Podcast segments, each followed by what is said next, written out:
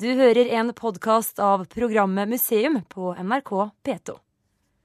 Dette programmet ble første gang sendt i desember 2015. Det samiske og det norske må ha vært så sammenvevet, sånn at folk har bodd rett ved siden av hverandre, og hvordan det da har fungert. Det er på en måte noe av min nysgjerrighet til å lete videre omkring dette funnet. Det er dempet belysning i rommet. Musikken som siver ut av høyttalerne, skaper mystisk stemning omkring utstillingsobjektet. En klesdrakt bestående av flere deler ligger i et stort glassmonter. Det er Skjoldehamn-drakta. I mange tiår regnet ekspertene med at den var fra 1400-1500-tallet. Nye dateringer viser at klærne er 1000 år gamle. Det reiser mange nye spørsmål, og konservator Dikka Storm, som har arbeidet med funnet siden 80-tallet, håper at yngre krefter nå kan få arbeide på full tid med dette helt ekstraordinære materialet. Vi prøver å få nye unge mennesker, slik som Laura nå, kan egentlig bruke hele tida si på å studere dette. Det er egentlig det vi ønsker mest av alt. Så det er et ønske, da. Så får vi se om vi får oppfylt dette, da. Men det, dette med, med, denne type kunnskap er at eh, det har litt sånne lange linjer. Mm. Det er ikke noe som på en måte skjer full fart, skritt for skritt. Det her er det, Du må ha litt tålmodighet til å få nå frem til dine mål, disse spørsmålene. her. Museum er på Universitetsmuseet i Tromsø, hvor skjoldehamndrakta for første gang stilles ut i sin helhet. En vet en del om selve drakta, men en vet lite om mennesket som hadde kledningen på seg da den ble funnet en sommerdag i 1936 på Andøya i Vesterålen.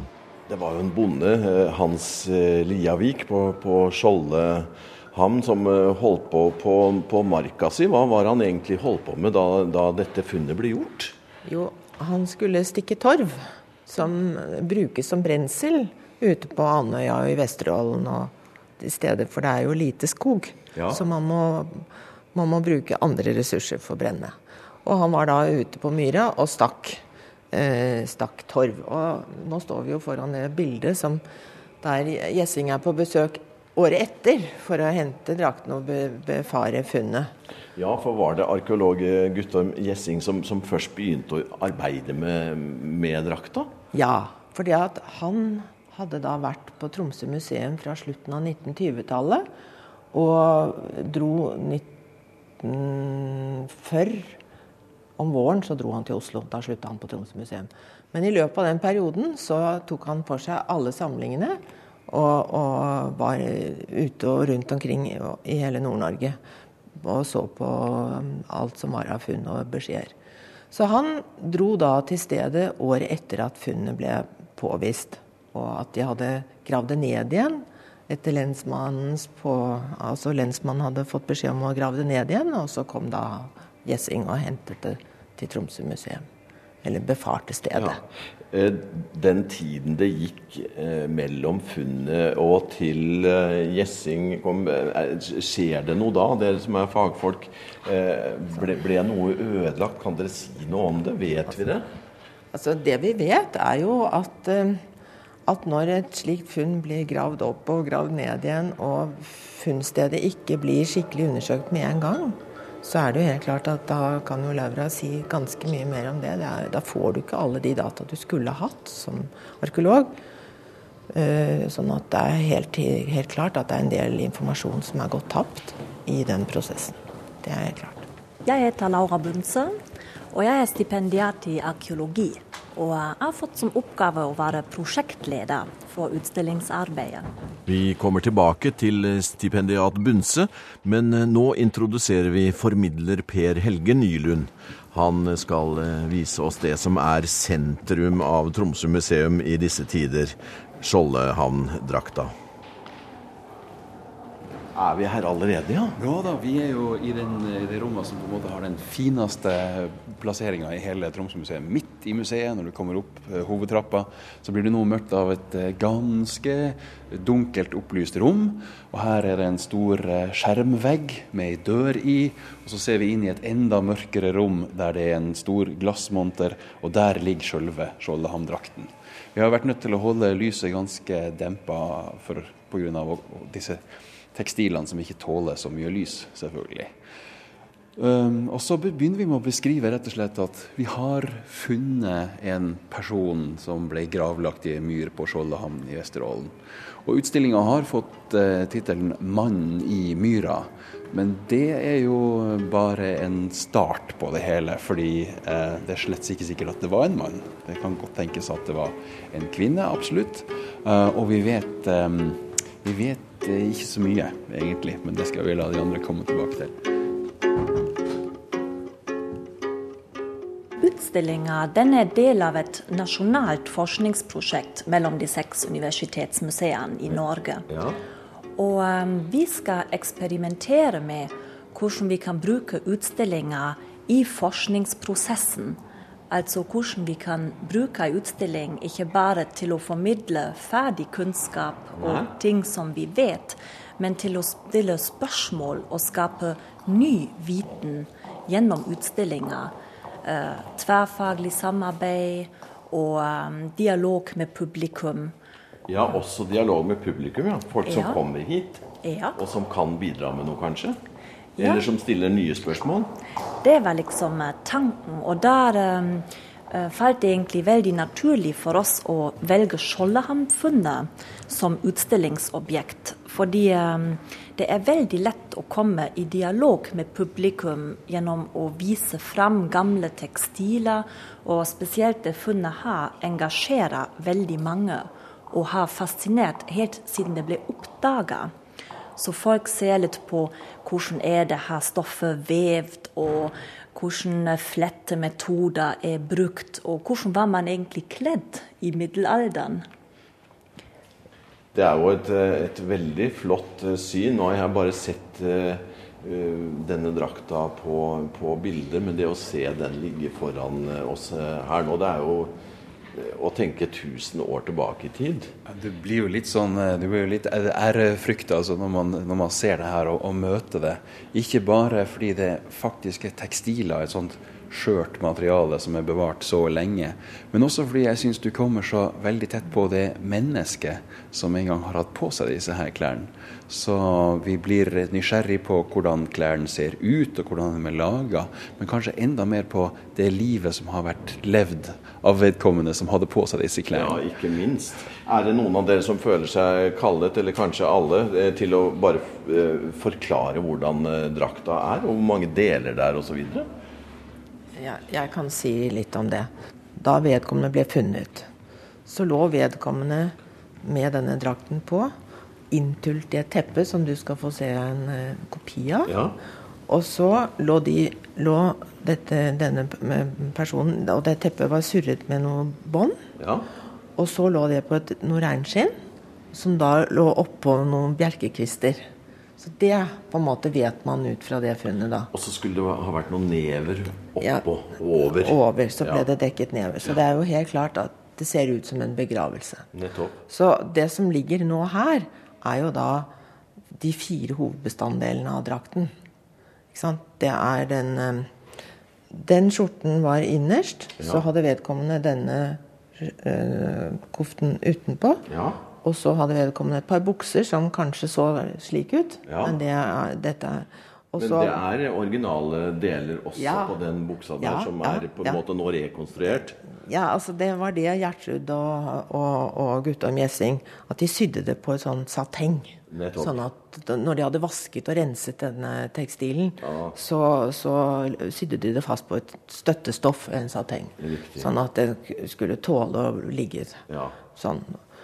Og, Men det er sannsynlig at det har vært en bukse sånn som det der? Det, det er tydelig at det er det, for du har en rennekant øverst. Ja, sånn at det ser ut som det liksom er snørt sammen i, ja. i livet. Ja.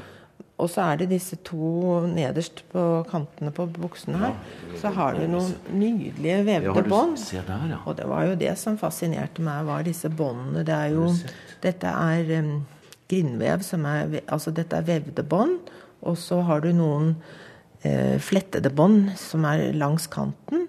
Og så oppetter her så har du sånne broderier, sånn, eller broderier er iallfall sydd fast tråd. Også med ulike farger som er markert. Så det er jo kjempespennende, disse dekorasjonene. Og tilsvarende på den eh, skjorten her oppe, så har den en stående krage. Også en brystklut. En ja. firkantet liten brystklut. Som er annen tekstil enn selve ull. Alt andre er jo laget av ull. Ja. Hvilke av delene er det som er mest intakt her, du? Er det Eller altså, mest nå. Nå har jeg bare sett oppersiden av, altså oversiden av ja. alle tekstilene. fordi at det, ja, man kan jo ikke røre på dette her. Nei, og nå blir vi enda mer forsiktige etter at vi har begynt å vise det frem. Så nå er det bare konservat, tekniske konservatorene som rører på disse tingene. Det og dette er en hette. Ja. ja. og denne er jo også en sånn middelalderhette da, som er, var vanlig, som vi kjenner igjen fra veldig mange andre områder. Ja. Men hvis vi går 1000 år tilbake, så er det tidlig middelalder? Ja. altså Da er det over i vikingtid her nord. Museum er på Universitetsmuseet i Tromsø, hvor Skjoldehamdrakta, et helt antrekk, stilles ut i sin helhet. Det er første gang det skjer. En vet en del om eh, selve drakta, men en vet lite om mennesket som bar den. Det var eh, sommeren 1936 på gården til Hans Liavik i Skjoldehamn på Andøya i Vesterålen, hvor drakta ble funnet under stikking av torv. Konservator Guttorm Gjessing begynte studiene av funnet allerede året etter. Han mente det måtte være fra 1400-1500-tallet, og han trodde ikke den var samisk. I 2010 forsket masterstudent Dan Halvard Løvli på funnet. Moderne dateringsmetoder viste at antrekket var mye eldre enn først antatt, anslagsvis 1000 år gammelt. Historiker Johan Borgås mener at drakta kan være lulesamisk, men med forbehold. I og med utstillingen i Tromsø håper museet på en ny æra for forskningen på funnet. Vi har jo prøvd å lage en utstilling som er ganske interaktiv. Ja. Uh, slik at folk sjøl kan gå inn og uh, på en måte kjenne på rekonstruksjonen, kjenne på stoffet. Prøve noen av fletteteknikkene som er brukt på drakten. Ja, her er det på veggen faktisk uh, gjort klart å, å, å teste. Ja, da er det bare å sette i gang og prøve. Og um, det her er jo en av de enkleste teknikkene på drakten. Men um, selvfølgelig mange av dekorasjonene er jo mye mer avansert. Men det her er veldig fint for folk å prøve. Ja. Um, og så har vi jo selvfølgelig kopier av hettene som man kan prøve på. Så ja, kan man se her, ja et selfie med hette på. Helge ser veldig Han går jo rett inn i rollen her nå. ja. Prøv det her på, da. Mm. Ja, det er litt kort. Det er rett og slett Den der løsningen der var det, veldig smart. Det er ja, Selve dette båndet som da er på sida av hetta, det, det, er såpass kort at å knytte det under haka er vanskelig, i hvert fall for meg. Nå var jo personen som ble begravd på Skjoldehamn litt mindre enn meg, kanskje sånn drøyt halvannen meter høy. Jeg er litt større. Akkurat. Men likevel, men for meg så passer det fint å knytte den i nakken. Og, og det blir faktisk veldig sånn eh, tett og behagelig rundt hele halsen. Så på en litt vindfull dag så tror jeg det her ville være et ypperlig plagg å ha. Vi må, få, vi må begynne å produsere sånn igjen, syns jeg. Ja. Ja, det er sånn de moderne lure- og anorakkhetter reguleres nå i dag. Ja. De har sånn låser her bak. Samme mm. prinsipp. Ja. Ja. Man vet jo noe om denne tiden eh, hvor dette mennesket levde, da? Man vet litt. Man vet litt. Det er jo gjort uh, noen undersøkelser i, på Andøya på nordøst, nordvestsiden av Andøya så er det skrevet et par avhandlinger om funn fra andre tilsvarende steder. Eh, og så er det jo gjort en del eh, undersøkelser andre plasser. Og så er det dette båtfunnet som man eventuelt kunne sammenligne med. Så man har gjort det. Og i nyere tid så foregår det jo forskning om, om eh, Sør-Troms og Nordland og videre nordover for middelalderhistorikere. da. Så man har begynt å se på dette på en ny måte. sånn at vi vet jo mer i dag om omgivelsene, og også at dette samfunnet sannsynligvis var et fleretnisk samfunn. At det både var samisk og norsk. Det var jo slik ikke Gjessing forsto det. Nei, for jeg, jeg, jeg, har tatt meg tid til å lese en del av, av, av Gjessings eh, analyser. Og han eh, En kan nesten se at han forsøker å få det til ikke å være samisk. Men Og argumentere for det, men i neste setning så Men kan jo være det òg. Ja. Og det er, det er, veldig interessant å lese, så ja, det er mye av det jeg har brukt tiden på. da, Å se på det, og også se på spor etter samisk bosetning i Sør-Troms og Vesterålen og Lofoten og osv. Men hva skal til da av forskning for å, å komme nærmere akkurat den biten der, Nei, her trengs det egentlig en veldig skikkelig ny bosetningsanalyse av uh, Andøya. Kanskje ja. litt mer flersidig, og også naboområdene på Hinnøya og videre sørover hele Vesterålen. Og Det er jo gjort noe, men det trengs eh, flere undersøkelser. For nå er vi ikke på 1400-1500-tallet slik Gjessing antok. Nå er vi 500 år enda tidligere, og da er det jo ikke så mange undersøkelser. Og dette teppet som vi har en kopi av, det er også datert da til litt er det, det, det, det, det er kopien av det. Og dette er kjempespennende, for her, her har du jo eh, teksturen i dette, og det originale som vi har i, i, i magasinet. Er det, er, er det, fargene og mønsteret ja, også ja, sånn? Ja, ja. Du, det er jo et teppe som kan Vi har et sånt ja, ja. hjemme. Og det, skjønner, det er jo så nydelig kvalitet. Og det som er spennende med dette teppet, var jo at Gjertrud og, og han Guttorm Gjessing hadde satt det sammen feil. Fordi at nå har, har vi da, pga. den undersøkelsen som ble gjort på Bergen museum, så viste det seg da at det er ett stykke som er vevd, og så er det satt sammen. Men poenget var at da trodde de at det var to, det var to som ble satt ved siden av hverandre. Nettopp. Mens det som er nå, er jo da at eh, det, hun som analyserte det i Bergen, hun viste da at det går opp, og så går det ned igjen. Som en U-sving. Akkurat. Sånn at da er det sydd sammen på midten. sånn at man har da... Men legemet lå i dette teppet? Inntullet i dette teppet. Ja. Tenk da. Fantastisk. Nydelig teppe. Så det, dette var en veldig forseggjort begravelse. Ja. Det er ikke hvem som helst som lå der. Nei. Det tror jeg ikke noe på. Men eh, det var en skade i skallen? Ja, men om det var eller ikke Nå var hun Berit Sellevold, som var eh, fysisk antropolog, så er hun var i går og holdt foredrag. Jeg har ikke hørt det, men jeg hørte henne da hun var her på denne workshopen. Og vi kan ikke si om det var en skade i den skallen som var påført vedkommende eller ikke. Så det er en veldig forsiktig med å uttale, for det er så veldig få biter igjen av dette skjelettet. Ja, men det fins noen, altså? Ja, og men, det er det på Anatomisk men, institutt. Ja, Kan man hente mer ut av det, da? Altså Selvfølgelig. Alt må ses på på nytt. Man må aldri gi opp. så denne utstillingen er, er, er for så vidt en, en restart øh, og en øh, adrenalininnsprøytning for videre forskning på, på denne flotte drakta? Ja, vi håper jo det. Altså, vi har tenkt at den forhåpentlig kan være en slags plattform hvor man kan møtes og utveksle ideer og tanker. Vi har jo også flere publikumsarrangement.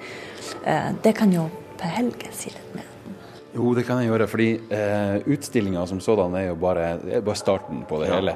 Men eh, vi forsøker å presentere den kunnskapen som, som, finnes i dag, gjennom å hente inn både museet sine egne forskere og også en del forskere utenfra som får holde foredrag her hos oss, f.eks. For um, og fortelle om om ja, det vi vet. Enten om selve dette funnet, eller om forskningsmetoder som kan hjelpe oss videre. Slik at vi har ikke bare med oss arkeologer, men vi har altså f.eks. Eh, eksperter på bein og skjeletter. Vi har eh, botanikere som er gode på dette med hvordan ei myr vokser, og hvorfor blir ting så godt bevart i ei myr. Eh, vi har tekstilforskere som kan si noen ting om snitt og stil og mønster bakover i historien osv. Så, videre. så på den måten så inviterer vi også publikum med til en, en diskusjon etterpå om, eh, om, det vi har her. Eh, hvor unikt, hvor, hvor, spesielt er denne drakta i, i norsk sammenheng? Den er unik i, ikke bare i norsk, men i nordeuropeisk sammenheng. Fordi den er så mange draktdeler på én person. Ikke sant? Det er jo ikke det, er, det, som er det unike. Det er ikke ett plagg. Nei, det er, hele. Det er hele, hele outfiten for én person. Ja, det, det, er kjempespennende.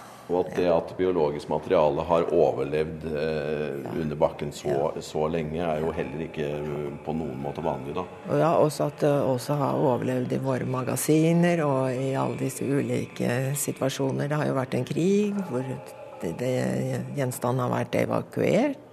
Sånn at her er det mange skjær i sjøen til at vi står i dag og kan begynne å se enda en gang på nytt på dette materialet.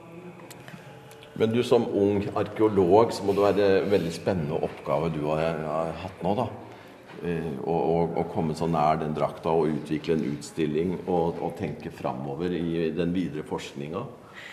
Ja, altså det har vært uh, veldig lærerikt og også utfordrende. Fordi det her er egentlig ikke mitt uh, fagfelt, så det var noe helt nytt for meg. Jeg har jo hørt om funnet på forhånd, men jeg har ikke jobba med det. Hvor er den båten dere snakka om nå? Altså, det andre funnet i dette området, eh, det er, det er altså en båt. Ja, det, og, og, det henger eh, Antagelig har, har denne personen, eh, om det er mann eller kvinne, eh, antagelig eh, sittet, sittet, i en båt. Garantert. Ja, helt klart. Når man bor på Skjoldhamn, så, så, må man på sjøen. Eh, nei, på Øksnes i Vesterålen, som jo ikke er så langt unna, så gjorde man i samme periode som Skjoldhamn-funnet dette funnet av ei, ei båtgrav. Um, ja. Og det vi har igjen herfra, er, er litt av rester av en båt, litt treverk, noe spant. Ja. Og så har vi et lite fragment av et tekstil, et ullstoff. Her også, ja. Ja. Og du ser, det er jo en liten, uregelmessig klut, kan vi si. Ja. Så så mye blir det vanligvis igjen, hvis man er heldig, av, ei, av et tekstil som har vært begravd i 1000 år. Og Det understreker jo hvor unik nettopp Skjoldehamn-drakten er, der vi da har ikke bare en liten bit, men vi har et helt antrekk. Ja, men, men, det som gjør det her da spennende, er at det, det er så nærme Skjoldehamn. Ja, både i tid og i, i, geografi så er det ganske, geografisk er det ganske nært. Så det kan hjelpe oss til å forstå den eh, kulturen og det samfunnet som man hadde der den gangen. Det lille tøystykket der, det, det er vel nesten helt umulig å vite hva eh, kan ha vært? Ja, altså eh, forskerne tror at det har vært et putetrekk. For hvis du ser på den kaka som ligger her nede, ja. det er altså eh, dun og fjær som har blitt funnet i grava. Og så lå det tekstilfragmenter oppå der. Ja vel, ja. Akkurat. Ja. Så, så, det har vært et putevar, rett og slett. Ja. Og med vet man hva slags fjær det er? Altså Det er blitt sendt inn til eh, analyse. Og eh, da ble det funnet ut at det var fjær og dun fra forskjellige fugler. Fra forskjellige fugler, ja. Mm. Og eh, så fant man også rester etter dyrehår. Som, så den døde har antagelig vært um, vikla inn eller, i et um, kuskinn. Akkurat. Et kuskinn, ja. Mm. Ja, vi, vi, har jo altså fått analysert fjæra i, i, denne puta fra Øksnes. og Der er det både fra måsefugler, det er ærfuglfjær, det er en del andre andefjær, og det er også litt eh, skarv. Ja, så det er helt typiske kystfugler ja. som folk eh, levde nært og, og, og høsta av. da. Det, det, vet vi litt om. Bare det at man hadde pute for 1000 år siden. Jeg syns det er litt hyggelig å, å, å, vite det. Ja, ja, ja. Nei, man, tror, man visste hvordan man skulle slappe av den gangen også. Ja. Når vi snakker om um, analysene, så har vi vært nødt til å presentere det også, selvfølgelig. Nå er vi i det tredje rommet i utstillinga, ja. som handler om den forskninga som gjøres i dag mm. uh, rundt det her.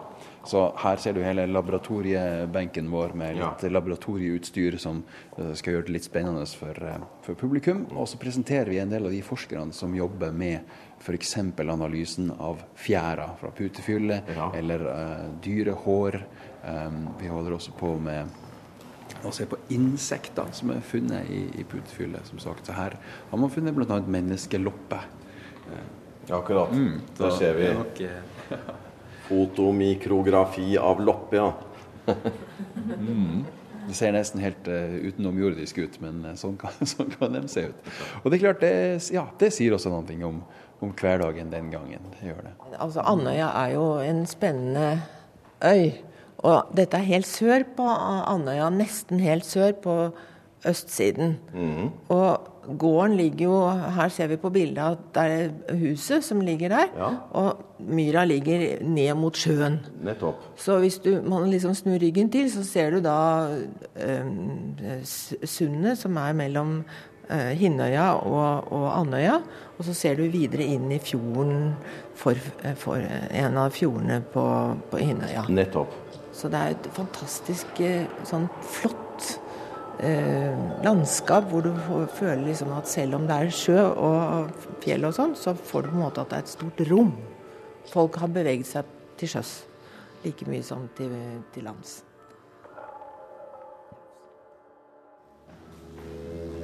Du har nå hørt en podkast av programmet Museum fra NRK P2.